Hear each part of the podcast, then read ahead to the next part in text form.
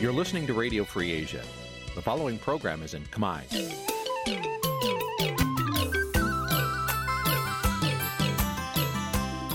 Nǐ chi càm bi tiệp xáy vệt chiu a zì sê ray នេះជាកម្មវិធីផ្សាយរបស់ Vithu Azisari ជាភាសាខ្មែរ វត្តឈូអាស៊ីសេរីសូមស្វាគមន៍លោកអ្នកនាងទាំងអស់ពីរដ្ឋធានី Washington នៃសហរដ្ឋអាមេរិកពីរដ្ឋធានីវ៉ាស៊ីនតោនខ្ញុំបាទសនចាររថាសូមជម្រាបសួរលោកអ្នកនាងអ្នកស្ដាប់វិទ្យុអេស៊ីសរ៉ៃទាំងអស់ជាទីមេត្រីខ្ញុំបាទសូមជូនការផ្សាយសម្រាប់ព្រឹកថ្ងៃអង្គារ14កើតខែអាសាឍឆ្នាំខាលចត្វាស័កពុរសករាជ2566ត្រូវនៅថ្ងៃទី12ខែកក្កដាគ្រិស្តសករាជ2022បានជាដំបូងនេះ សូមអញ្ជើញលោកអ្នកនាងស្ដាប់ព័ត៌មានប្រចាំថ្ងៃដែលមានមេតិការដូចតទៅ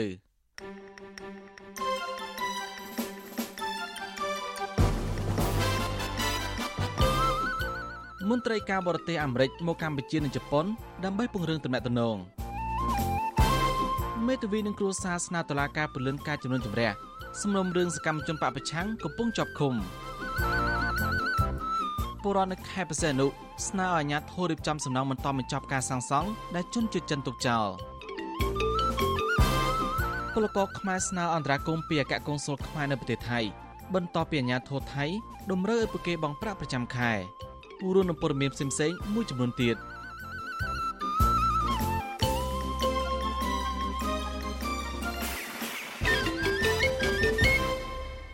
បានជាបន្តទៅនេះខ្ញុំបាទសនចាររថាសូមជូនព័ត៌មានពិស្ដាឧបការីរដ្ឋមន្ត្រីការបរទេសអាមេរិកបំពេញទស្សនកិច្ចនៅក្រុងភ្នំពេញនៅតូក្យូរយៈពេល5ថ្ងៃដើម្បីពង្រឹងទំនាក់ទំនងទ្វេភាគីដំណើរទស្សនកិច្ចនេះធ្វើឡើងចាប់ពីថ្ងៃទី11ដល់ថ្ងៃទី15ខែកក្កដាការិយាល័យអ្នកនាំពាក្យក្រសួងការបរទេសអាមេរិកឲ្យដឹងតាមរយៈសេចក្តីប្រកាសព័ត៌មានផ្សាយកាលពីថ្ងៃទី11ខែកក្កដាម្សិលមិញថាក្នុងដំណើរទស្សនកិច្ចនៅក្រុងភ្នំពេញឧបការីរដ្ឋមន្ត្រីការបរទេសអាមេរិក ទទួលបន្ទុកកិច្ចការអាស៊ីបូព៌ានិងប៉ាស៊ីហ្វិកលោក Daniel J. Craig-Thembring ក្រុងជួបជាមួយរដ្ឋមន្ត្រីការបរទេសកម្ពុជាលោកប្រាក់សុខុននិងមន្ត្រីចុងខ្ពស់កម្ពុជាដទៃទៀតដើម្បីពិភាក្សាពីបញ្ហាទំនាក់ទំនងទ្វេភាគីរវាងអាមេរិកនិងកម្ពុជាលោកក៏គ្រងនឹងពិភាក្សាអំពីកិច្ចគាំទ្រសហរដ្ឋអាមេរិកចំពោះកម្ពុជានៅក្នុងនាមជាប្រធានបដូវវេនអាស៊ាននិងបញ្ហានានាក្នុងតំបន់នៅលើសកលលោកក្រៅពីនេះលោកក៏គ្រងជួបពិគ្រោះយោបល់ជាមួយក្រុមមេដឹកនាំយុវជននិងអង្គការសង្គមស៊ីវិលផងដែរ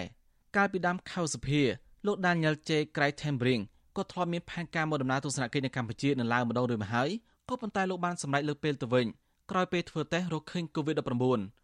ដំណើរទស្សនកិច្ចរបស់មន្ត្រីជាន់ខ្ពស់អាមេរិកមកកាន់កម្ពុជានៅពេលនេះស្របពេលដែលទំនាក់ទំនងរវាងកម្ពុជានិងអាមេរិកកំពុងស្ថិតក្នុងភាពល្អកកដោយសារបញ្ហាមិនចុះសម្រុងគ្នាមួយចំនួន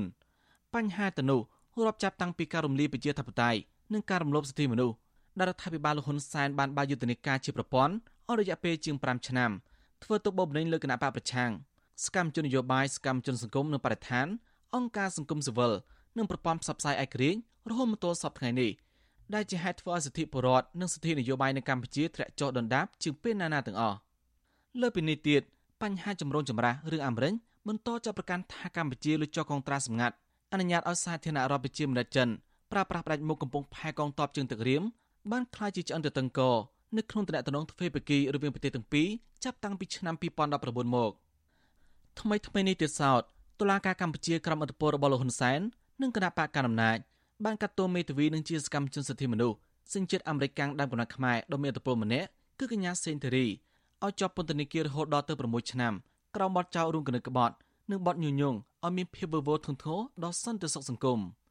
សហរដ្ឋអាមេរិកបានពៀវនាអាញាធរកម្ពុជា ដល់លែងសកម្មជនជាប់ឃុំផ្នែកនយោបាយដោយយុត្តិធម៌ទាំងអស់រួមទាំងកញ្ញាសេនធរីផងបានលោកនាងជាទីមន្ត្រីរដ្ឋមន្ត្រីការបរទេសអាមេរិកលោក Anthony Blinken បានពៀវនាដល់បណ្ដារដ្ឋសមាជិកអាស៊ាននិងប្រទេសកុម្មុយនីសចិនឲ្យទាមទាររបបសឹកខុសច្បាប់ភូមាងាកមកទទួលខុសត្រូវក្នុងការអនុវត្តកិច្ចព្រមព្រៀងជាឯកច្ឆ័ន្ទ5ចំណុចរបស់អាស៊ានដើម្បីដោះស្រាយវិបត្តិនយោបាយនៅក្នុងប្រទេសនេះលោក Anthony Blinken ត្រូវបានទីភ្នាក់ងារសារព័ត៌មានអន្តរជាតិ Reuters ស្រង់ប្រសាសន៍កាលពីថ្ងៃទី10ខែកក្កដាអំឡុងពេលដែលលោកកំពុងបំពេញទស្សនកិច្ចនៅក្នុងប្រទេសថៃថាប្រទេសក្នុងតំបន់អាស៊ានចាំបាច់ត្រូវតែតម្រូវរបបសឹកភូមាងាកមកគោរពកិច្ចព្រមព្រៀងជាឯកច្ឆ័ន្ទ5ចំណុចរបស់អាស៊ាន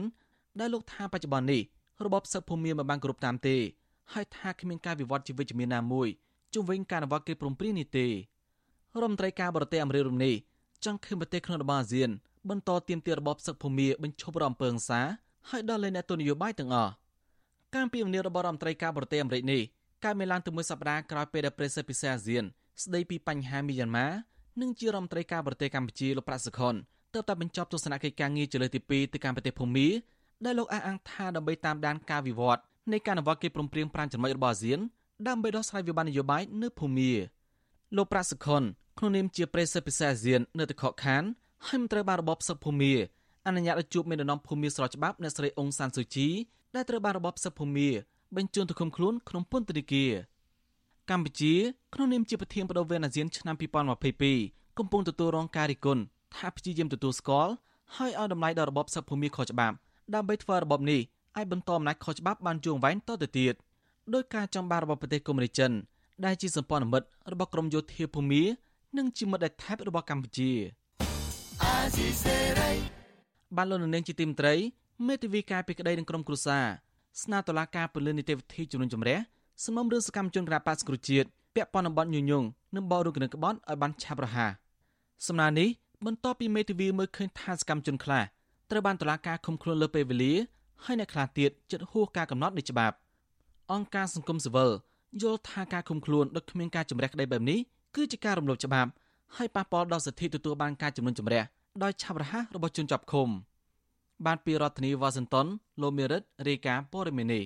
មេធាវីការពីក្តីឲ្យសកម្មជនគណៈបកសង្គ្រោះជាតិលោកសំសកុងលើកឡើងថាតឡាការយឺតយ៉ាវនៅក្នុងការលើកយកសំណុំរឿងកូនក្តីរបស់លោកជិត10នាក់ទៅជំនុំជម្រះតាមនីតិវិធីកំណត់ក្នុងនោះគិតត្រឹមថ្ងៃទី11ខែកក្កដាកូនក្តីរបស់លោករួមមានដូចជាលោកកុងម៉ាស់លោកខាន់ប៊ុនផេងនិងសកម្មជនមួយចំនួនទៀត កំពុងជាប់ពន្ធនាគាររយៈពេលជាង18ខែនៅក្នុងសំណុំរឿងរួមគំនិតក្បត់ទន្ទឹមនឹងនេះសកម្មជនចំនួន4នាក់ទៀតដែលអាជ្ញាធរថៃចាប់បញ្ជូនឲ្យអាជ្ញាធរខ្មែរកាលពីចុងឆ្នាំ2021ក៏កំពុងជាប់ពន្ធនាគាររយៈពេលជាង8ខែ រួមមានលោកវឿងសំណាង លោកវឿនវាសនាហៅក្រញូងប្រៃឡង់ដែលតឡាការចោតពីបទរួមគំនិតក្បត់និងញុះញង់អ្នកស្រីឡាញ់ថាវរីចោតពីបទញុះញង់និងលោកមិចហៀងចោតពីបទប្រមាថថ្នាក់ដឹកនាំរដ្ឋាភិបាលពួកគេកំពុងជាប់ឃុំក្នុងពន្ធនាគារព្រៃសរដែលរងចាំការជំនុំជម្រះពីតុលាការមេធាវីការពីក្តីឲ្យសកម្មជនគណៈបពប្រឆាំងលោកសំសកុងប្រាវិសុយស៊ីស្រីនៅថ្ងៃទី11ខែកក្កដាថា សិទ្ធិទទួលបានសកម្មភាពជំនុំជម្រះដោយឆាប់រហ័សស្របតាមនីតិវិធីត្រូវបានរំលោភព្រោះតឡាកាបានសម្រេចឃុំខ្លួនកូនក្តីរបស់លោកមួយចំនួនហួសពីកាលកំណត់និងមួយចំនួនទៀតជិតដល់ការកំណត់នៃច្បាប់ក្រោមហេតុផលថាសំណុំរឿងនេះមានជនសង្ស័យច្រើនជាដើមលោកឲ្យដឹងថាសំណុំរឿងទាំងនេះតឡាកាធ្លាប់ប្រាប់លោកថា បានបញ្ជូនដល់ចៅក្រមជំនុំជម្រះរួចហើយក៏ប៉ុន្តែរហូតមកទល់ពេលនេះខាងលោកនៅមិនទាន់ទទួលបានការកំណត់ថ្ងៃសវនកម្មនៅឡើយទេក្នុងម្នាក់ម្នាក់ហ្នឹងខ្លះចំណោមពួកគាត់គឺលើស នៅការគុំខ្លួនលើសនីតិវិធីច្បាប់ហើយខ្លះទៀតគឺនៅចិត្តផុត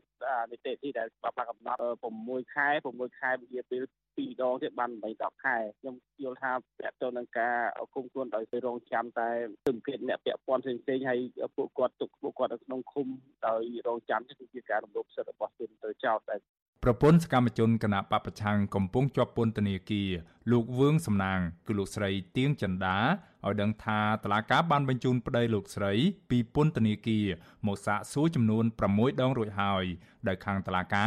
នៅមិនទាន់កំណត់យកថ្ងៃទៅជំនុំជម្រះដើម្បីផ្ដល់យុត្តិធម៌ដល់ប្តីលោកស្រីនៅឡើយទេខណៈគាត់ជាប់ឃុំជិត8ខែ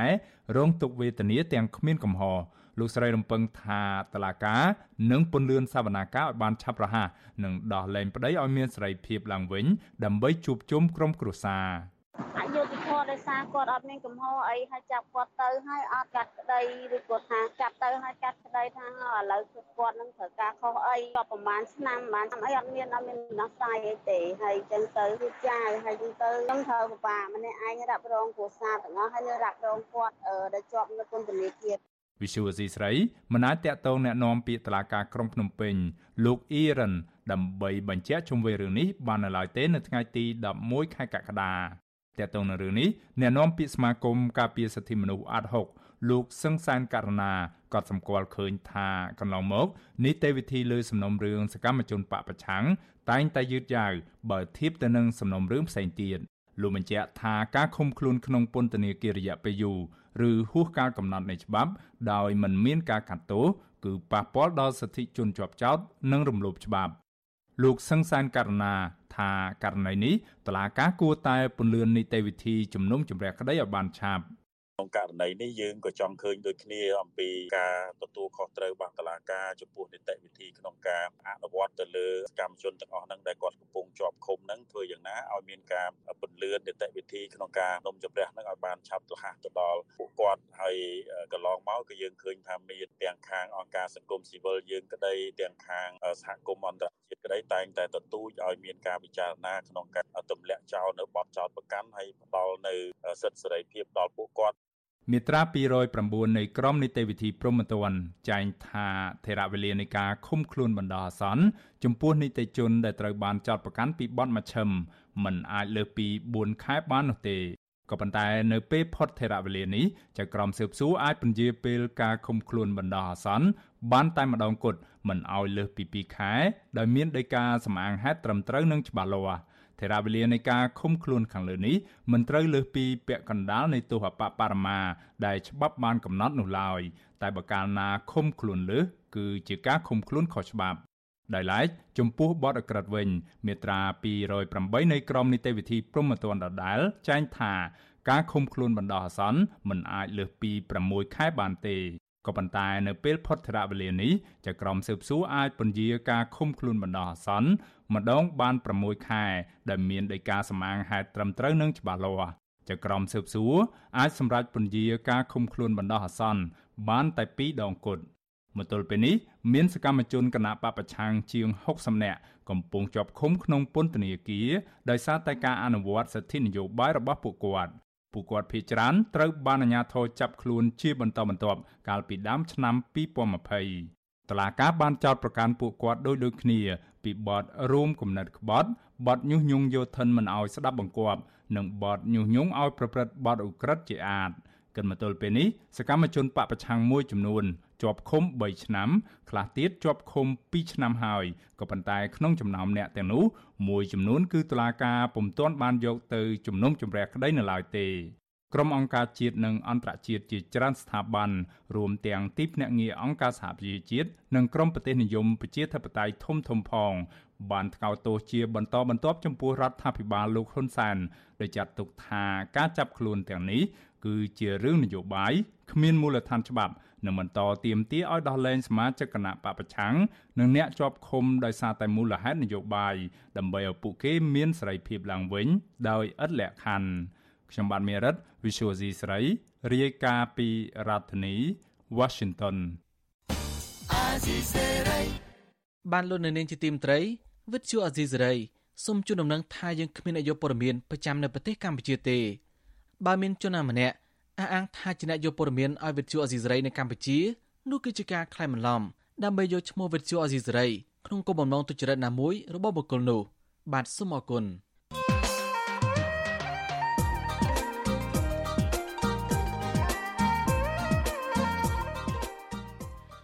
បានលោកនៅនាងជាទីមត្រីអ្នកតាមដានស្ថានភាពនយោបាយនៅកម្ពុជាមួយចំនួនមានទស្សនៈថាគណៈបក្សប្រជាជាតិបាននាំគ្នាដើរជន់តែរបស់លោកហ៊ុនសែននៅក្នុងការផ្សាយនយោបាយនេះ យើងនឹងមានកិច្ចពិភាក្សាអំពីរឿងនេះដោយមានអ្នកវិភាគនយោបាយដែលមានទស្សនៈផ្សេងគ្នាពីររូបចូលរួមជាភ្ញៀវកិត្តិយស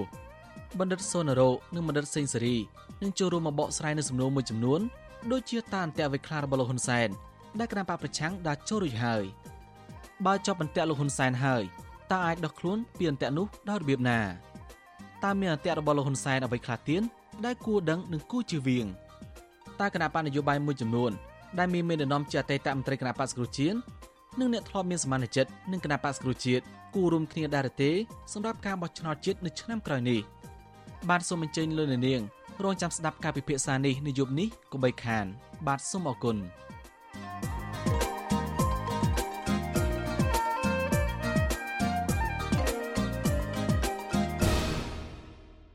បាទលោកនាងជាទីមន្ត្រីប្រជាប្រដ្ឋនៅអង្គការសង្គមស៊ីវិលនៅខេត្តបរសេនុ ស្នើអាជ្ញាធរនៅក្នុងខេត្តនេះគិតគូររៀបចំសំណង់អគារដែលជនជាតិចិនទុកចោលមិនទាន់បញ្ចប់ការសាងសង់នៅឡើយពួកគេបារម្ភថាសំណង់ទាំងនេះធ្វើឲ្យប៉ះពាល់ដល់ជីវភាពនិងការរស់នៅពិសេសពលរដ្ឋដែលជាម្ចាស់ដីជួលឲ្យជនជាតិចិនទាំងនោះសាងសង់អគារបាទពីរដ្ឋធានីវ៉ាស៊ីនតោនលោកលេម៉ាលីរាយការណ៍ព័ត៌មាននេះសំណង់អគារតូចធំជាច្រើនដែលមិនទាន់បញ្ចប់ការសាងសង់មានរប៉ាត់របាយនៅតាមតំបន់ទីប្រជុំជនក្នុងក្រុងព្រះសីហនុអគារទាំងនោះ ត្រូវបានពលរដ្ឋឲ្យដឹងថាត្រូវបានពលរដ្ឋឲ្យដឹងថាជាកម្មសិទ្ធិរបស់វិនិយោគិនចិនដែលបានជួលដីពលរដ្ឋខ្មែរសម្រាប់សាងសង់ប៉ុន្តែពួកគេបានបោះបង់ការស្ថាបនាអគារទាំងនោះបន្ទាប់ពីមានការបិទអាជីវកម្មលបែងអនឡាញខុសច្បាប់និងការរាតត្បាតជំងឺ Covid-19 ក្នុងរយៈពេល3ឆ្នាំចុងក្រោយនេះពលរដ្ឋម្នាក់នៅខេត្តព្រះសីហនុលោករតនាវីប្រាប់ពធ្យុអសិសរីឲ្យដឹងនៅថ្ងៃទី11កក្កដានេះថា សំណង់អគារដែលជនជាតិចិនបានបន្សល់ទុក បានកែប្រែសោភ័ណភាពក្រុងព្រះសីហនុប្រៀបបានទៅនឹងទីក្រុងខ្មោចដែលគេបោះបង់ចោលដូច្នោះដែរលោកបន្តថាសំណង់អគារទាំងនោះមិនត្រឹមតែធ្វើឲ្យប៉ះពាល់ដល់សោភ័ណភាពទីក្រុងទេសចរមួយនេះប៉ុណ្ណោះទេប៉ុន្តែក៏បានបង្កផលប៉ះពាល់ដល់ជីវភាពពលរដ្ឋជាពិសេសម្ចាស់ដីតែម្ដង លោកថាសំណង់អគារទាំងនោះបានបង្អាក់ការរកស៊ីរបស់ពលរដ្ឋខ្មែរជាម្ចាស់ដីដោយមិនទទួលបានថ្លៃជួលថែមទាំងមិនអាចយកដីនោះជួលឬលក់ឲ្យអ្នកផ្សេងទៀតបានលោកស្នើដល់អាជ្ញាធរក្នុងខេត្តនេះឲ្យរៀបចំសម្ដាប់ធ្នាប់និងកែប្រែអគារទាំងនោះដើម្បីលើកសោភ័ណភាពក្រុងឡើងវិញនិងប្រែក្លាយជាអគារដែលបម្រើដល់ផលប្រយោជន៍សង្គម ប៉ះពាល់ការរកស៊ីរបស់មានអាគារខ្លះទៅជួលលើដីពួកគាត់ដល់ពេលមួយចិនទៅបាត់ទៅទៅសល់ទុកនៅអាគារចាស់ចាស់អាគារដែលសាងសង់ដែលមិនទាន់ហើយទុកចោលនៅលើដីគាត់ចឹងអញ្ចឹងគាត់ធ្វើអត់ចេញដីគាត់ហ្នឹងឃើញទុកចោលព្រៃដោះពេញតាអាគារហ្នឹងហ្មងឥឡូវចំណែកពលរដ្ឋម្នាក់ទៀតលោកម៉ៃហុងស្រៀងឲ្យដឹងថាទោះបីការចាកចេញរបស់ជនជាតិចិនក្នុងរយៈពេល3ឆ្នាំមកនេះបានបង្កលក្ខណៈងាយស្រួលដល់ការរស់នៅរបស់ពលរដ្ឋខ្មែរក៏ពិតមែន ប៉ុន្តែពួកគេបានបន្សល់ទុកនៅអគារដែលមិនទាន់សាងសង់ហើយពីពេញក្រុងព្រះសីហនុលោកបន្តថានៅក្នុងតំបន់ដែលលោករស់នៅមានអគារដែលជនជាតិចិនបោះបង់ចោលប្រមាណ2ទៅ300អគារដែលហាក់ធ្វើឲ្យទីនោះស្ទើរតែคล้ายជាកន្លែងត្រូវបានគេបោះបង់ចោល។លោកបន្តថាអភិបាលខេត្តនិងអាជ្ញាធរពាក់ព័ន្ធគួរតែមានវិធីដោះស្រាយចំពោះសំណង់អគារទាំងនោះដើម្បីកែប្រែខេត្តព្រះសីហនុឲ្យក្លាយជាតំបន់ទេសចរធម្មជាតិដោយកាលពីមុន ទោះជាគណៈនេះក្នុងក្រុងប្រសេនុមានសភាពប្រសើរជាងមុនតែបើនិយាយពីសភនភាពវិញវាមិនសូវអំណោយផលតទៅសោះដោយរំពាត់ស្រមោលអាគារខ្មោចយ៉ាងហោច2ទៅ300អាគារដែរដែលជាសំណង់ចិនបោះបង់ចោលខ្ញុំមានបំណងស្នើឲ្យរាជរដ្ឋាភិបាលអាជ្ញាធរខេត្តសេនុមេត្តារកវិធីដោះស្រាយកែប្រែអគារខ្មៅទាំងនេះឲ្យមានសោភ័ណភាពសម្រាប់ក្រុងសេនុដែលជាទីក្រុងទេសចរ ទាក់ទិនបញ្ហានេះវិទ្យុអស៊ីសេរីនៅពុំទាន់អាចតាក់ទងអភិបាលរងក្រុងព្រះសីហនុលោកលងឌីម៉ង់ដើម្បីសូមអធិប្បាយបញ្ហានេះបាននៅឡើយទេនៅថ្ងៃទី11កក្កដាដោយសារលោកប្រាប់ថាជាប់រវល់ប្រជុំប៉ុន្តែបើតាមការចុះផ្សាយរបស់សារព័ត៌មានក្នុងស្រុកដែលផ្ដល់ដោយលោកអភិបាលរងរូបនេះឲ្យដឹងថានៅក្នុងខេត្តព្រះសីហនុមានការដ្ឋានសំណង់អគារដែលត្រូវបានបោះបង់ការសាងសង់និងទុកចោលជាង1000ការដ្ឋាន អគារទាំងនោះភាគច្រើនលើសលប់ជាកម្មសិទ្ធិរបស់ជនជាតិចិន ដែលមកវិនិយោគរកស៊ីនិងជួលដីពលរដ្ឋខ្មែរសម្រាប់សាងសង់អគារដើម្បីធ្វើជាសន្តាគារនិងកាស៊ីណូអ្នកសម្របសម្រួលអង្គការលីកាដូខេត្តព្រះសីហនុលោកស្រីវ៉ាន់លីមើលឃើញថារំហោជនជាតិចិនចូលមកក្នុងខេត្តព្រះសីហនុក្នុងរយៈពេលប្រមាណឆ្នាំចុងក្រោយនេះបានធ្វើឲ្យមានការអភិវឌ្ឍនៅក្នុងខេត្តនេះលោកថាការអភិវឌ្ឍទាំងនោះបានធ្វើឲ្យដីនៅក្នុងក្រុងព្រះសីហនុ ត្រូវប៉ាន់សម្រាប់ជនជាតិចិនសាងសង់អគារសម្រាប់ធ្វើជាសន្តាគារនិងកាស៊ីណូដោយជួលដីពីពលរដ្ឋខ្មែរក្នុងតម្លៃលើសទីផ្សារប៉ុន្តែលោកបន្តថានៅពេលរដ្ឋាភិបាលកម្ពុជាសម្រេចចិត្តបិទហ្គេមនិងល្បែងអនឡាញខុសច្បាប់ ស្របពេលមានការរាតត្បាតជំងឺ Covid-19 បានបង្ខំឲ្យជនជាតិចិនត្រូវត្រឡប់ទៅប្រទេសខ្លួនវិញដែលធ្វើឲ្យអាគារដែលពួកគេកំពុងសាងសង់នោះត្រូវបោះបង់ចោលលោកបន្ថែមទៀតថា ការបោះបង់អាគារទាំងនោះនៅលើដីប្រជាពលរដ្ឋខ្មែរបានធ្វើឲ្យប៉ះពាល់ដល់សេដ្ឋកិច្ចនិងជីវភាពពលរដ្ឋក្នុងតំបន់ ជាពិសេសម្ចាស់កម្មសិទ្ធិដីទាំងនោះ ថាក្រសួងក៏ដូចជាអាជ្ញាធរដែនដីក៏អាចសិក្សាមើលត្រឡប់ទៅវិញទៅលើកិច្ចសន្យាជួលនោះថាអាចត្រូវប្រគល់ទៅឲ្យម្ចាស់ដើម្បីគ្រប់គ្រងវិញឬក៏យ៉ាងណាហើយអញ្ចឹងបើសិនបើគាត់ធ្វើការជួលបន្តអីក៏ខាងក្រសួងខាងអាជ្ញាធរនេះក៏ត្រូវតែបង្កើតគណៈកម្មការក្នុងការចុះពិនិត្យវិតម្លៃទៅលើអគារនឹងដែរមុននឹងការអនុញ្ញាតឲ្យថាតើត្រូវសាងសង់តឬក៏បើសិនជាអគារនឹងវា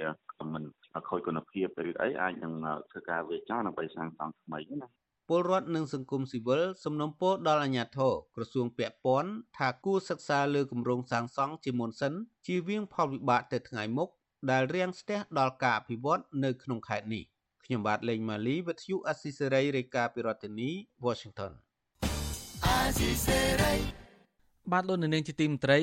វិទ្យុអស៊ីសេរីសូមជូនដំណឹងថាយើងគ្មាននយោបាយព័ត៌មាននៅកម្ពុជានោះទេ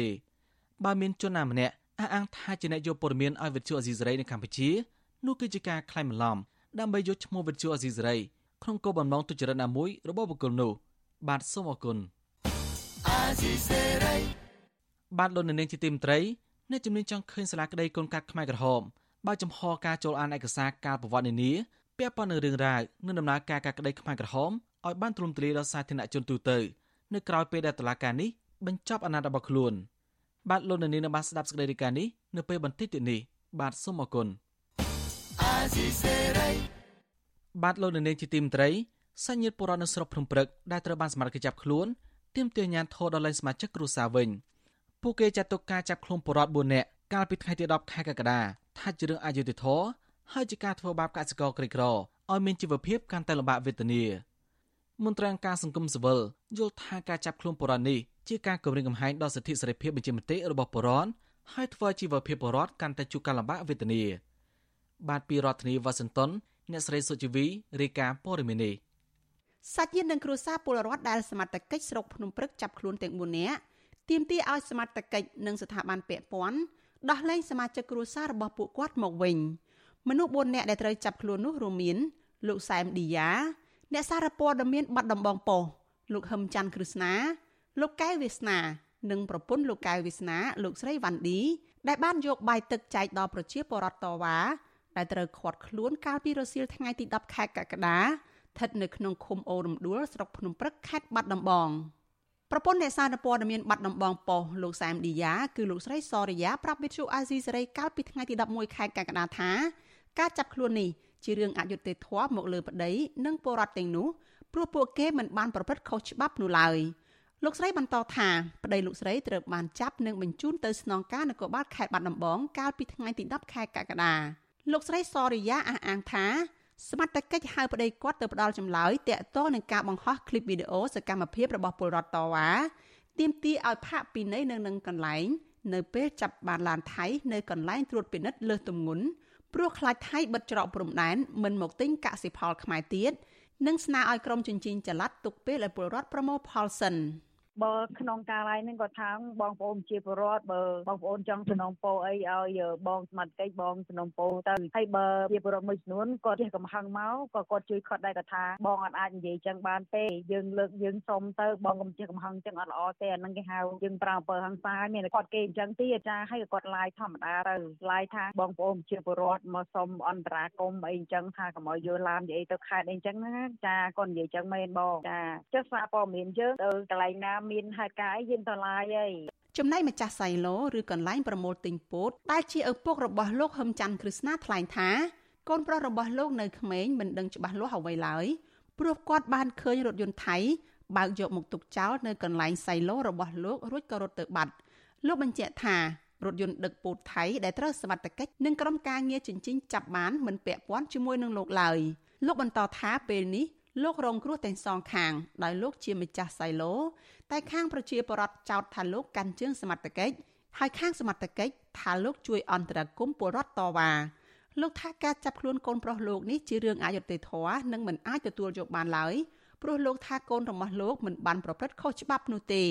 សូមឲ្យដោះលែងកូនខ្ញុំទៅព្រោះកូនខ្ញុំវានៅអាយុតិចណាស់ហើយវាក៏ខ្វះការចេះដឹងគ្នាក្មេងគ្នាឡាយទៅតាមភាសាក្មេងអញ្ចឹងបងហើយណាមួយតែលោកខ្ញុំព្រមទាំងកូនជាជនរងគ្រោះព្រោះអីវ៉ាន់ពោតនិងឡានពោតដែលចាប់ហ្នឹងមិនមែនជារបស់ពួកខ្ញុំទេហើយកងកម្លាំងគាត់ក៏មានឆ្កោកនៅក្នុងហ្នឹងមួយមួយដែរដើម្បីយកទៅខែតើហេតុអីកងកម្លាំងហ្នឹងបណ្ដោយឲ្យឡានបត់ចូលសៃឡូខ្ញុំហើយបែរជាចោតខ្ញុំថាខ្ញុំសុំកលុំនិងសំគំនិត លោកសំណុំពរដល់សមត្ថកិច្ចដោះលែងកូនប្រុសរបស់លោក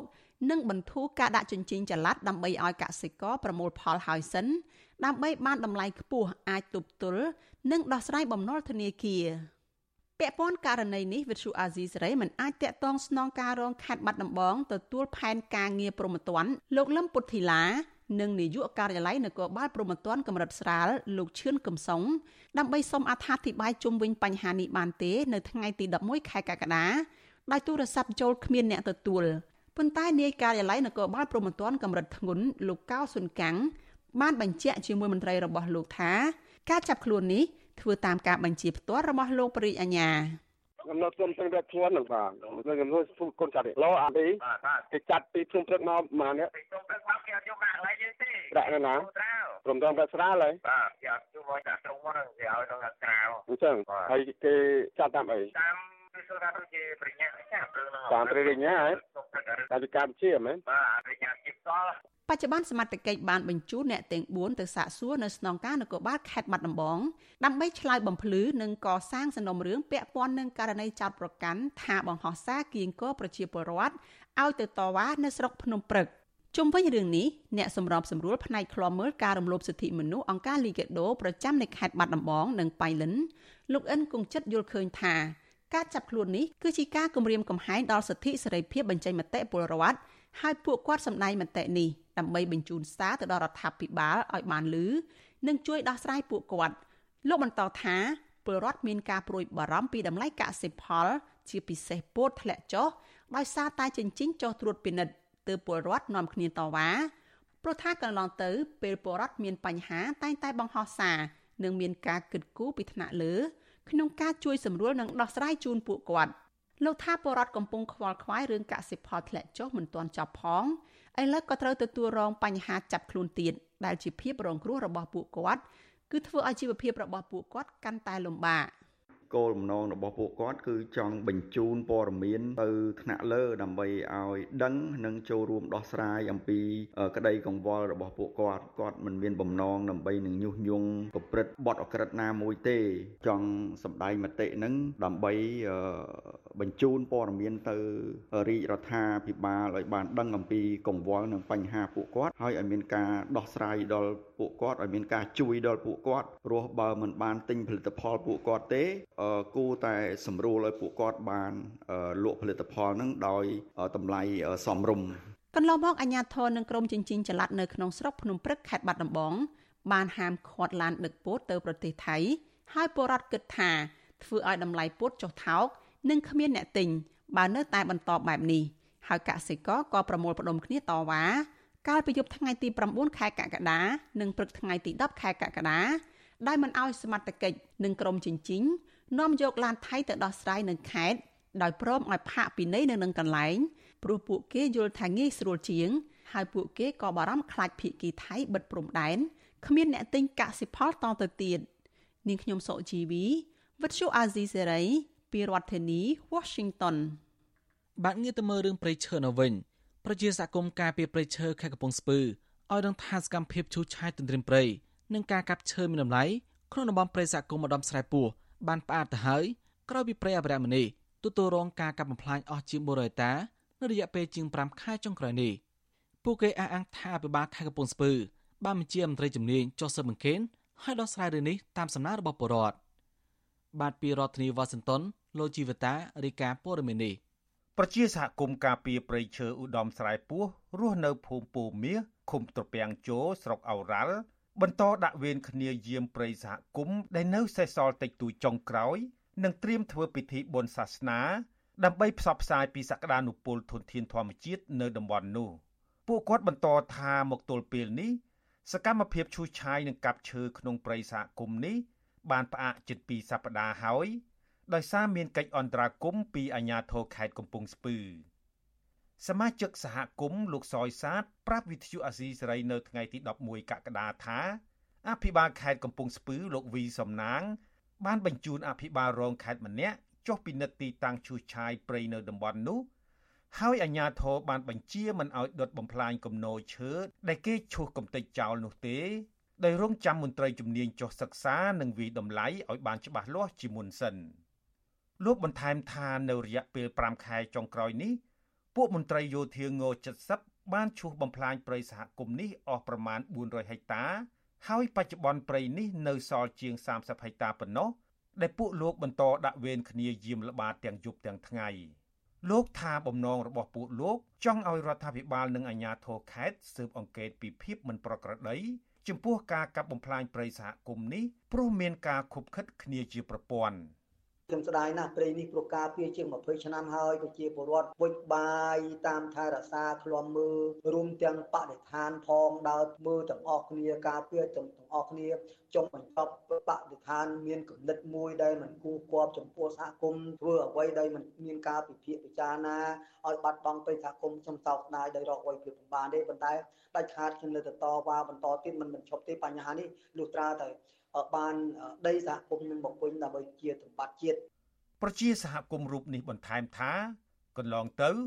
អនុប្រធានមន្ទីរបរិស្ថានខេត្តកំពង់ស្ពឺលោកនៅណាក់បានសន្យានៅចំពោះមុខពួកលោកថានឹងរក្សាដីព្រៃសហគមន៍ទំហំ40ហិកតា នៅតំបន់វត្តមេតាធម្មជាតិដែលមានសត្វកម្ររស់នៅ លោកបញ្ជាក់ថាអនុប្រធានមន្ទីរបរិស្ថានរូបនេះ បានប្រកាសប្រាប់ពលរដ្ឋដោយសន្យាថាអាជ្ញាធរនឹងផ្ដល់ដីចំនួនជាង400ហិកតាដើម្បីសងប៉ះពៅការខូចខាតព្រៃជូនប្រជាសហគមន៍ឧត្តមស្រែពោះវិញប៉ុន្តែប្រជាសហគមន៍មិនសប្បាយចិត្តចំពោះដំណោះស្រាយនោះទេ លោកអះអាងថា សកម្មភាពឈូសឆាយនិងកាប់ព្រៃក្នុងតំបន់អភិរក្សនេះធ្វើឲ្យសត្វព្រៃរាប់រយក្បាលផ្អើលទៅតំបន់ផ្សេង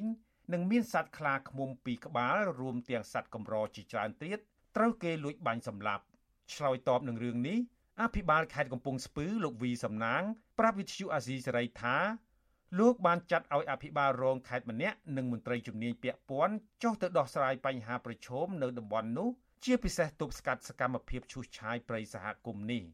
លោកផ្ដាំឲ្យប្រជាសហគមន៍ត្រូវរាយការណ៍ជូនមន្ត្រីជំនាញពាក់ព័ន្ធនិងសមត្ថកិច្ចជាបន្ទាន់នៅពេលប្រទះឃើញបទល្មើសព្រៃឈើក្នុងព្រៃសហគមន៍នេះ លោកបញ្ជាក់ថាសំណើរបស់សហគមន៍អញ្ញាធរកំពុងដោះស្រាយជាបណ្ដាបណ្ដាហើយ តែលោកមិនបញ្ជាក់លម្អិតថាអាញាធរដោះស្រាយបានកម្រិតណានោះទេ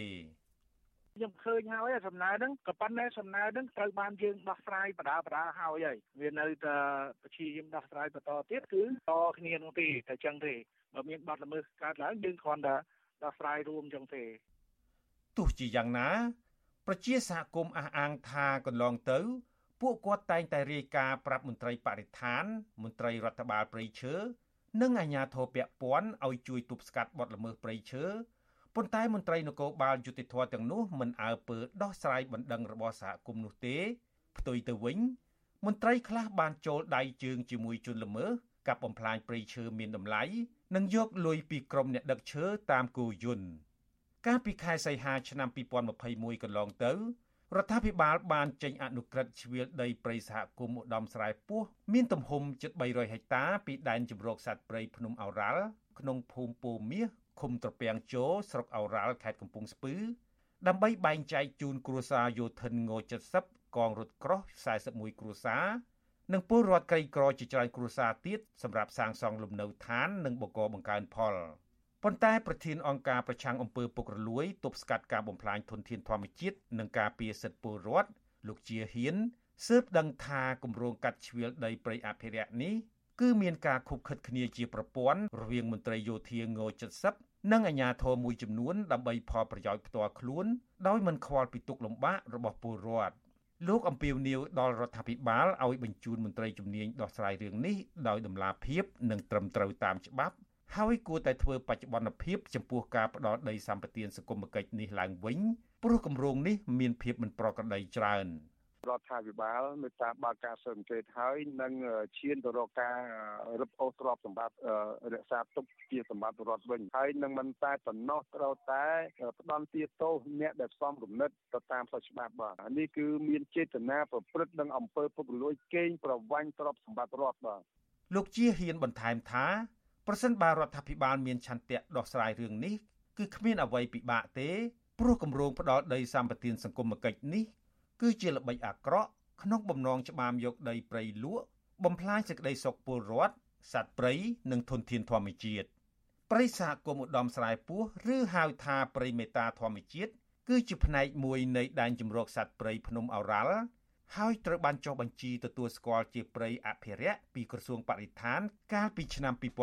2002បើតាមប្រជាសហគមន៍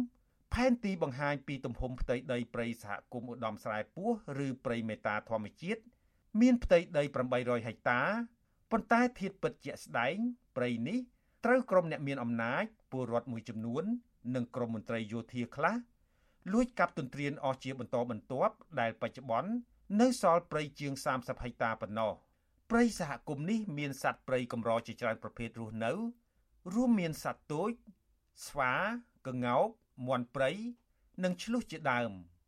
បច្ចុប្បន្នសត្វព្រៃកម្រទាំងនោះកំពុងប្រឈមការបាត់បង់ទីជម្រកខ្លះរត់ទៅជ្រកនៅតំបន់ផ្សេង និងខ្លះទៀតត្រូវគេលួចបាញ់សម្លាប់ខ្ញុំជីវិតាអាស៊ីសេរី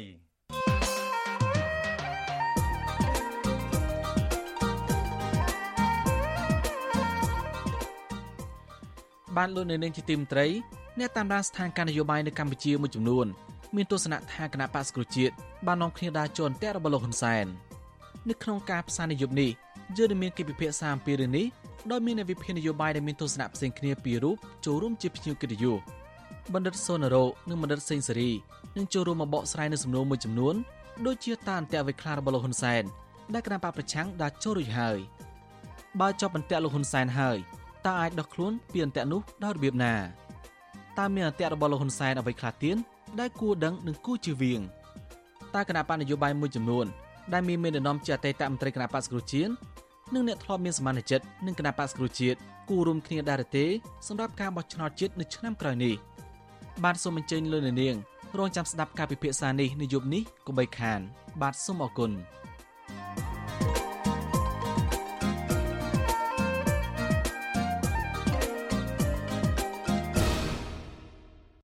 បានលោកនៅនាងជាទីមត្រីពលករខ្មែរប្រមាណ10នាក់បានស្នើគណៈកុងស៊ុលខ្មែរនៅអរ៉ាញ់ប្រទេសថៃ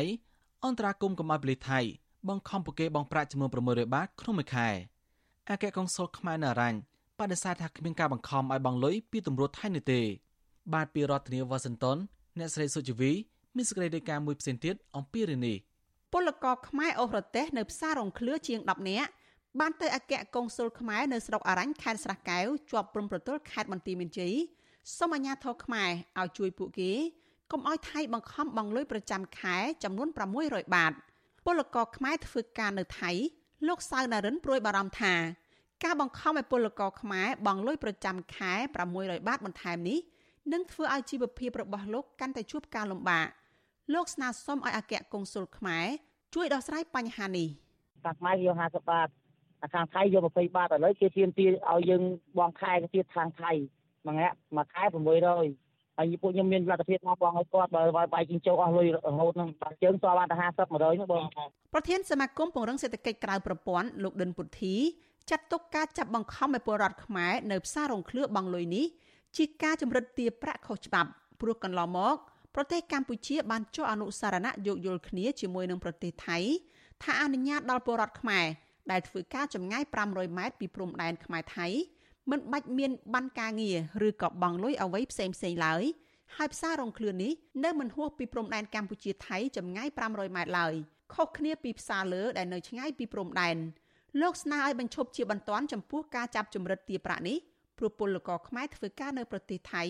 កំពុងប្រឈមជីវភាពលំបាកពីការឡើងថ្លៃសាំងនិងការរីករាលដាលជំងឺ Covid-19 អើបើសិនជាការយកលុយនឹងវាស្របច្បាប់ត្រូវតែមានក្រដាសស្នាមានវិក័យប័ត្រ មានចុងស្លឹកអីត្រឹមត្រូវប៉ុន្តែអានេះគឺជាការបំពេញសិទ្ធិកម្មករធ្ងន់ធ្ងរហើយវាជាការគម្រាមកំហែងមួយធ្ងន់ធ្ងរអារបៀបហ្នឹងគឺឲ្យឲ្យបញ្ឈប់ជាបន្តសកម្មភាពបែបហ្នឹងជុំវិញរឿងនេះដែរជំនួយការអគ្គកុងស៊ុលខ្មែរលោកនៀតបានលើកឡើងថាអគ្គកុងស៊ុលខ្មែរបានទទួលការស្នើសុំអន្តរាគមន៍ពីពលករខ្មែររួចហើយតែលោកបានបដិសេធចំពោះការចោទប្រកាន់ថាមាននំរត់ថៃបានចាប់បង្ខំពលករខ្មែរឲ្យបង់លុយ ព្រោះគ្មានភ័ស្តុតាងណាមួយមកបញ្ជាក់ឡើយលោកបញ្ជាក់ថាវាជារឿងមិនត្រឹមត្រូវនោះទេប្រសិនបើអាជ្ញាធរថៃពិតជាចាប់បង្ខំពលករខ្មែរឲ្យបង់លុយមែននោះហើយអគ្គកុងស៊ុលនឹងចុះទៅជួយពលករខ្មែររឿងវាអត់មានផុសតាំងទេគេតែមិនចាប់តែមិនសេទេបងណាគេអត់តែបានចាប់យើងទេតែខ្ញុំចុះមកធ្វើការឲ្យលោកអគ្គកុងស៊ុលឲ្យឲ្យខ្ញុំចុះមកធ្វើការនៅកោដៅខាងតំបន់គេហៅថានៅនៅនៅសារលោកយើងណា ប្រពន្ធពីពលករខ្មែរឲ្យដឹងថាកន្លងមកពលករខ្មែរធ្វើការនៅប្រទេសថៃតែងតែរងការគំរាមកំហែងពីអាជ្ញាធរថៃ និងម្ចាស់ក្រុមហ៊ុនថៃតម្រួតថៃដែលមានឈ្មោះជៀនជាអ្នកដឹកនាំបានទៅចាប់ពលករខ្មែរអូរ៉ូទេសជិត40នាក់នៅផ្សាររងឃ្លឿយកទៅកាត់ឈ្មោះលេខទូរស័ព្ទនិងបង្ខំឲ្យបង់លុយប្រចាំខែ600បាត កាលពីថ្ងៃទី5ខែកក្កដាកន្លងទៅពលករខ្លះបានបង់លុយតែពួកគេមិនបានទទួលវិក័យប័ត្រឬក៏លិខិតស្នាម ថាបង់ទៅលើថ្លៃអ្វីនោះទេចំពោះអ្នកដែលមិនបានបង់លុយតម្រួតថៃបានដាក់កំហិតឲ្យបង់លុយឲ្យបានមុនថ្ងៃទី15ខែកក្កដានិងបានគម្រាមថាប្រសិនបើពួកគេមិនបង់លុយប្រចាំខែទេតម្រួតថៃនឹងឃាត់ខ្លួនពួកគេនិងដកហូតប្រទេសយកទៅទុកនាងខ្ញុំសូជីវីវិទ្យុអាស៊ីសេរីពីរដ្ឋធានី Washington thank you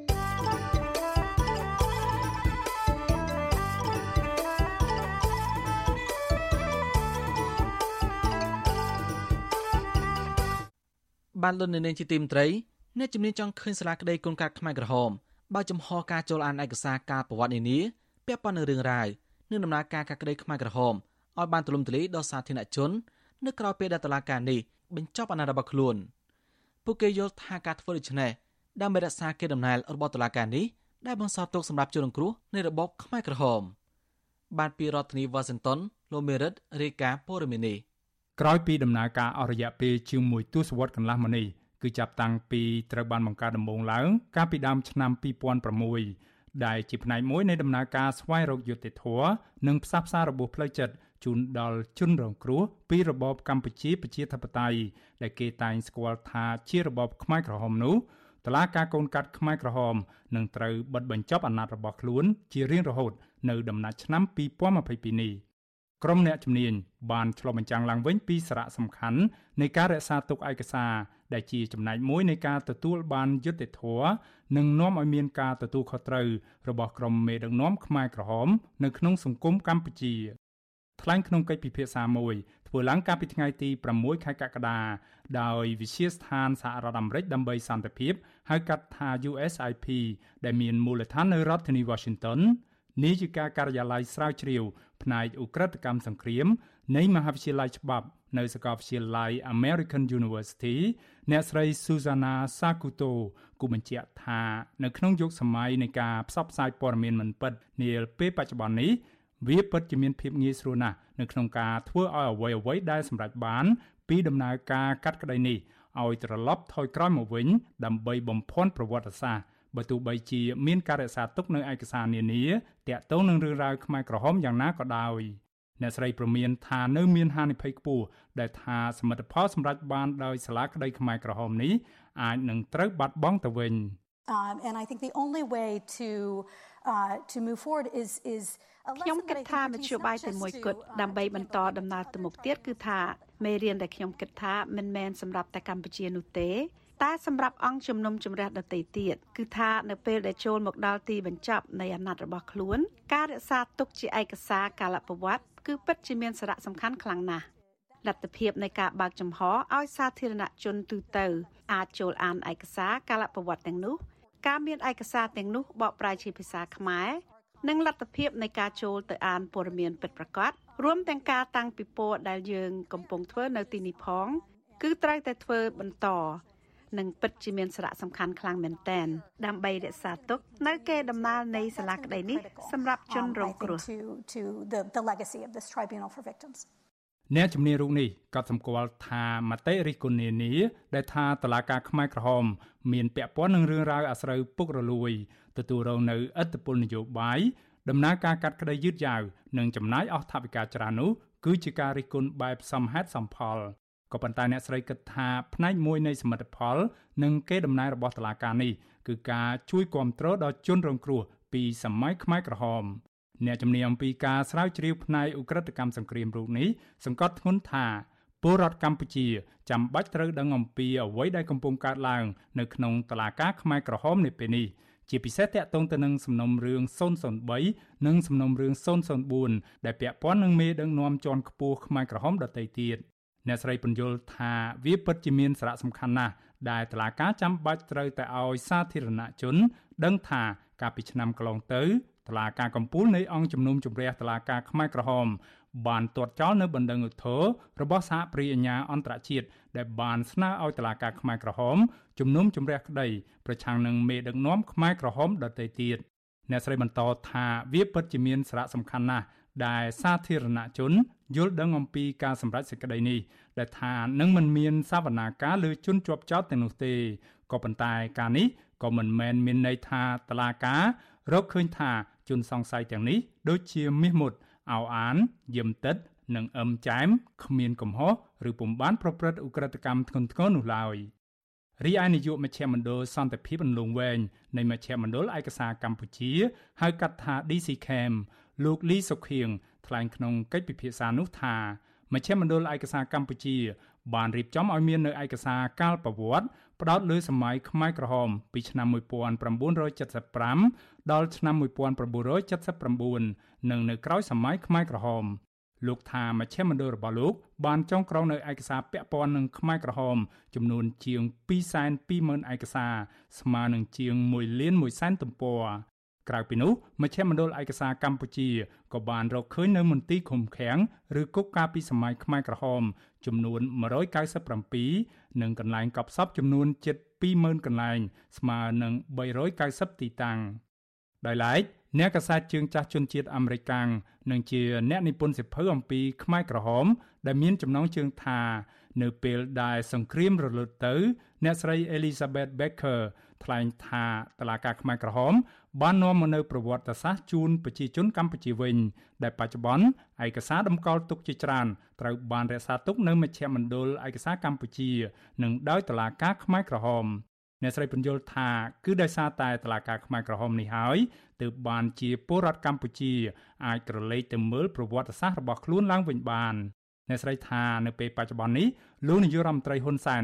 បានព្យាយាមកេងចំណេញពីអ្វីៗទាំងអស់ដោយបដិសេធមិនព្រមទទួលស្គាល់ពីសារៈសំខាន់នៃកិច្ចព្រមព្រៀងសន្តិភាពក្រុងប៉ារី បដិសេធមិនព្រមទទួលស្គាល់ពីទូនាទីរបស់អង្គការសហប្រជាជាតិនៅក្នុងការនាំមកនៅសន្តិភាពជូនដល់សង្គមកម្ពុជា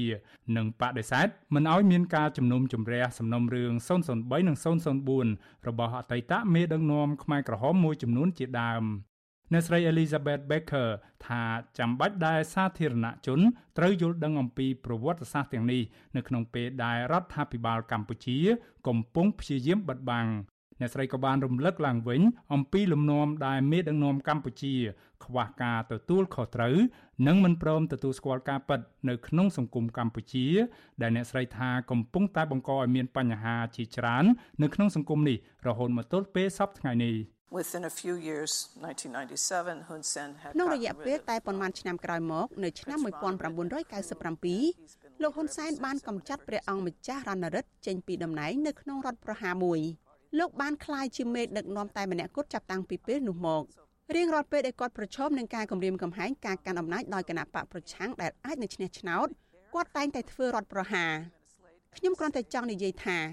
អ្នកនឹងស្ដាប់ឮពីអ្នកដតីទៀតថាតើអរិយាប័ត្រស្រដៀងគ្នាទាំងនេះបណ្ដោះឲ្យមាននៅក្របពូជនៃបញ្ហាកាន់តែច្រើនឡើងច្រើនឡើងជាបន្តបន្ទាប់មកទៀត These kinds of behaviors kept seeding more and more problems អ្នកស្រី Elizabeth Becker បានលើកឡើងពីករណីស្រដៀងគ្នានេះដែលអាញាធរកម្ពុជា កំពុងធ្វើទុកបុកម្នេញប្រឆាំងនឹងសកម្មជនសញ្ជាតិខ្មែរអាមេរិកាំងគឺកញ្ញាសេងធីរីដែលកញ្ញាគ្រាន់តែធ្វើការដើម្បីកែលម្អសន្តិភាពនៅក្នុងសង្គមកម្ពុជា And um I'm just thinking of ខ្ញុំគ្រាន់តែគិតអំពីសកម្មជនសន្តិភាពសញ្ជាតិខ្មែរអាមេរិកាំងម្នាក់គឺកញ្ញាសេងធីរី ដែលត្រូវបានចាប់ដាក់គុកដោយសារតែកញ្ញាគ្រាន់តែព្យាយាមកែលម្អសន្តិភាពនៅក្នុងប្រទេសកញ្ញាត្រូវបានបញ្ជូនទៅឃុំខ្លួននៅក្នុងគុកនៅតំបន់ដាច់ស្រយាលកាលពីខែមុនដូច្នេះវាគឺជាបញ្ហាដែលកំពុងតែបន្តកើតឡើងទោះបីជារបបខ្មែរក្រហមត្រូវបានបណ្តេញចេញពីអំណាចកាលពីឆ្នាំ1979ក៏ដោយក៏ក្របពូជនៃការបដិសេធដោយសារតែការមិនចេះទទួលខុសត្រូវរបស់មេដឹកនាំនៅតែបន្តកើតមានដដែលដដែល hold them accountable are still alive សាលាក្តីខ្មែរក្រហមបានចំណាយថវិកាអស់មិនតិចជាង300លានដុល្លារអាមេរិកទេចាប់តាំងពីបើកឲ្យដំណើរការដំបូងនៅដើមឆ្នាំ2006មកជាលទ្ធផល មានអតីតមេដឹកនាំខ្មែរក្រហមតែ3រូបប៉ុណ្ណោះត្រូវបានតឡាការខ្មែរក្រហមកាត់ក្តីឲ្យជាប់គុកអស់មួយជីវិតក្នុងនោះមានអតីតមេគុកទួលស្លែងលោកកាំងកេអ៊ីវហៅដូចក្នុងសំណុំរឿង001 បងធំទី2នៃរបបខ្មែរក្រហម ដែលពេលនោះជាប្រធានរដ្ឋសភាប្រជាជន និងអតីតប្រធានគណៈប្រធានរដ្ឋលោកខៀវសំផននៅក្នុងសំណុំរឿង002រីឯសំណុំរឿង003ដែលមានជនត្រូវចោទមាសមុតនិងសំណុំរឿង004ដែលមានជនត្រូវចោទអោអាននិងយឹមទឹកព្រមទាំងអតីតកម្មាភិបាលខ្មែរក្រហមអ្នកស្រីអឹមចែម ក៏ត្រូវបានតឡាការកំពូលនៃតឡាការខ្មែរក្រហមសម្រាប់មិនបញ្ជូនសំណុំរឿងទាំងនេះទៅកាត់ក្តីដោយតាមការចង់បានពីសហព្រាយអាជ្ញាអន្តរជាតិឡើយសំណុំរឿងដែលនៅសល់ចុងក្រោយបំផុត ដែលក្រុងនឹងបិទបញ្ចប់នៅចុងឆ្នាំនេះគឺបណ្ដឹងសារទុកលើសំណុំរឿង002វគ្គ2ប្តឹងទាស់ដោយលោកខៀវសំផនខ្ញុំបាទមេរិត Visual C សេរីរាយការណ៍ពីរដ្ឋធានី Washington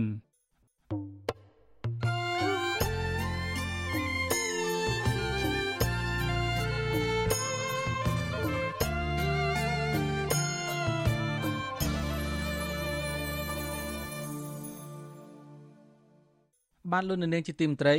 សហព័ន្ធខ្មែរកម្ពុជាក្រោមបានបញ្ជូនយុវតីខ្មែរកម្ពុជាក្រោមម្នាក់ជាតំណាងទៅចូលរួមក្នុងសន្និសីទឧត្តមស្នងការអង្គការសហប្រជាជាតិផ្នែកសិទ្ធិមនុស្សនៅទីក្រុងហ្សឺណែវប្រទេសស្វីស្ដីពីសិទ្ធិជនជាតិដើមដើម្បីជំរុញរដ្ឋាភិបាលវៀតណាមគោរពសិទ្ធិខ្មែរក្រោមជាជនជាតិដើមហើយទទួលស្គាល់ខ្មែរកម្ពុជាក្រោមជាម្ចាស់ទឹកដីនៅក្នុងរដ្ឋធម្មនុញ្ញរបស់វៀតណាមបាទពីរដ្ឋធានីវ៉ាស៊ីនតោនលោកយុនសាមៀនរាយការណ៍ព័ត៌មាននេះ តំណាងសហព័ន្ធខ្មែរកម្ពុជាក្រោមកញ្ញាកឹមពុទ្ធនី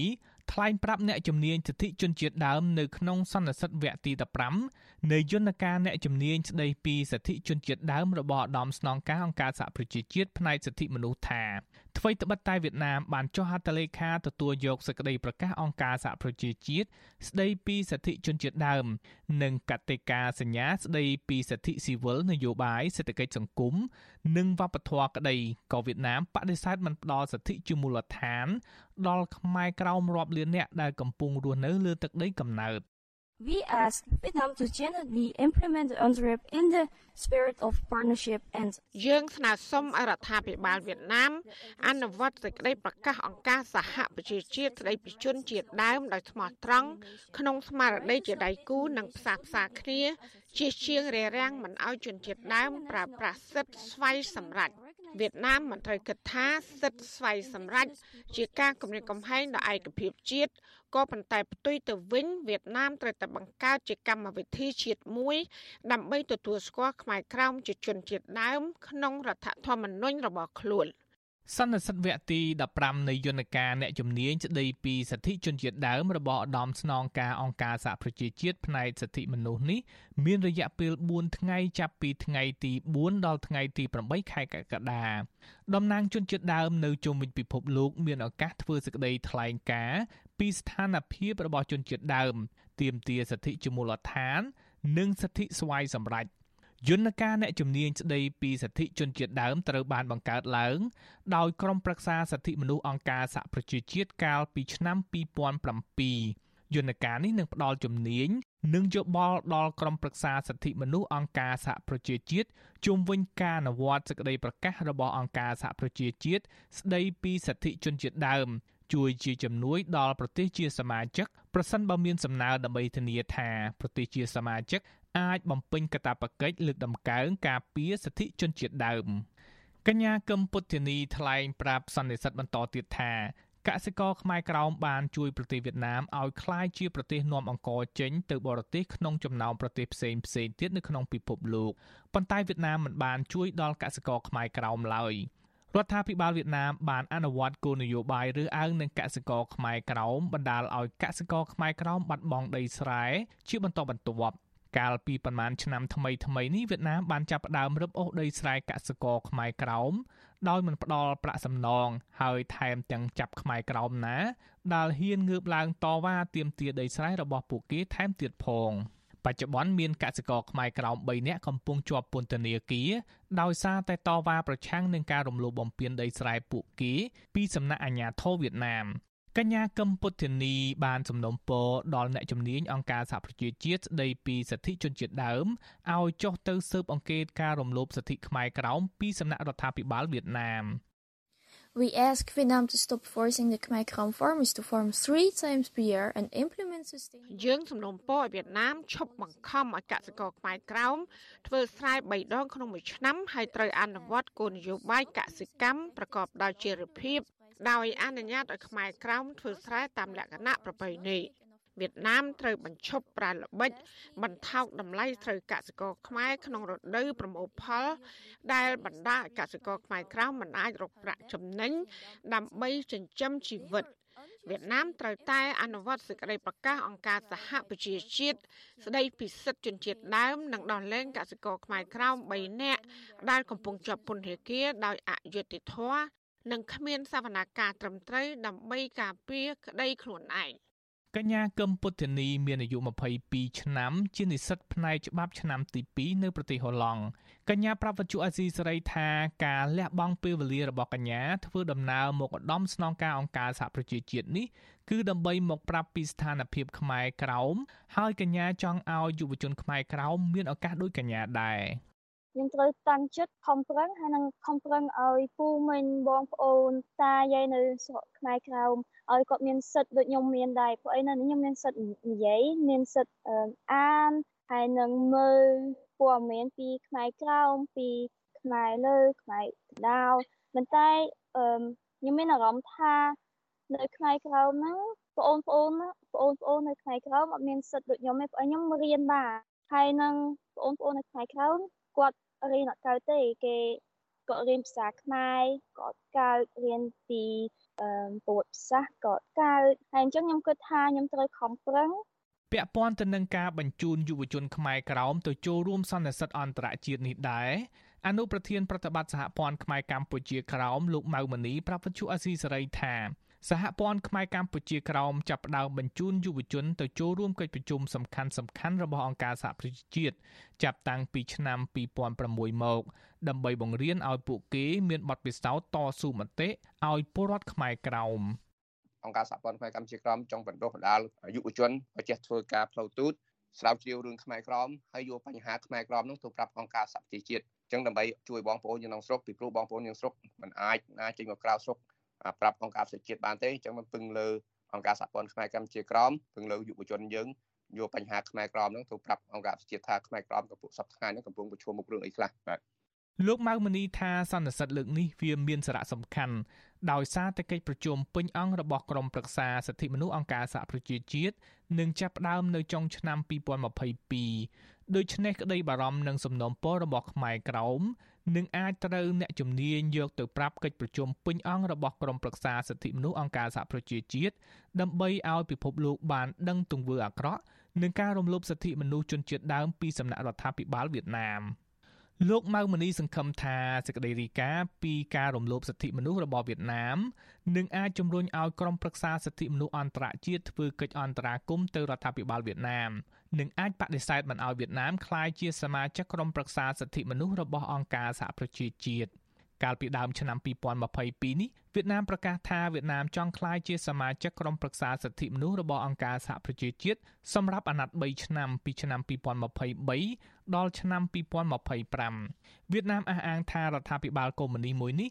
នឹងលើកដំកើងធម្មនុញ្ញអង្គការសហប្រជាជាតិច្បាប់អន្តរជាតិនិងពង្រឹងស្ថាប័នក្រមប្រឹក្សាសិទ្ធិមនុស្ស តាមរយៈកិច្ចសហការ សន្ទនា និងការគោរពគ្នាទៅវិញទៅមក ពាក់ព័ន្ធទៅនឹងគម្រោងរបស់វៀតណាមនេះសហព័ន្ធខ្មែរកម្ពុជាក្រោមកំពុងធ្វើយុទ្ធនាការនៅលើឆាកអន្តរជាតិដើម្បីប្រមូលការគាំទ្រប្រឆាំងនឹងវៀតណាមមិនឲ្យក្លាយជាសមាជិកក្រុមប្រឹក្សាសិទ្ធិមនុស្សអង្គការសហប្រជាជាតិសហព័ន្ធថាសហព័ន្ធអាចពិចារណាយុទ្ធនាការនេះឡើងវិញប្រសិនបើវៀតណាមអនុវត្តដោយស្មោះត្រង់នៅរាល់អនុសញ្ញាទាំងឡាយណា ដែលវៀតណាមបានចុះហត្ថលេខានឹងអង្គការសហប្រជាជាតិខ្ញុំយុនសាមៀន វិទ្យុអាស៊ីសេរីប្រធានាធិបតី Washington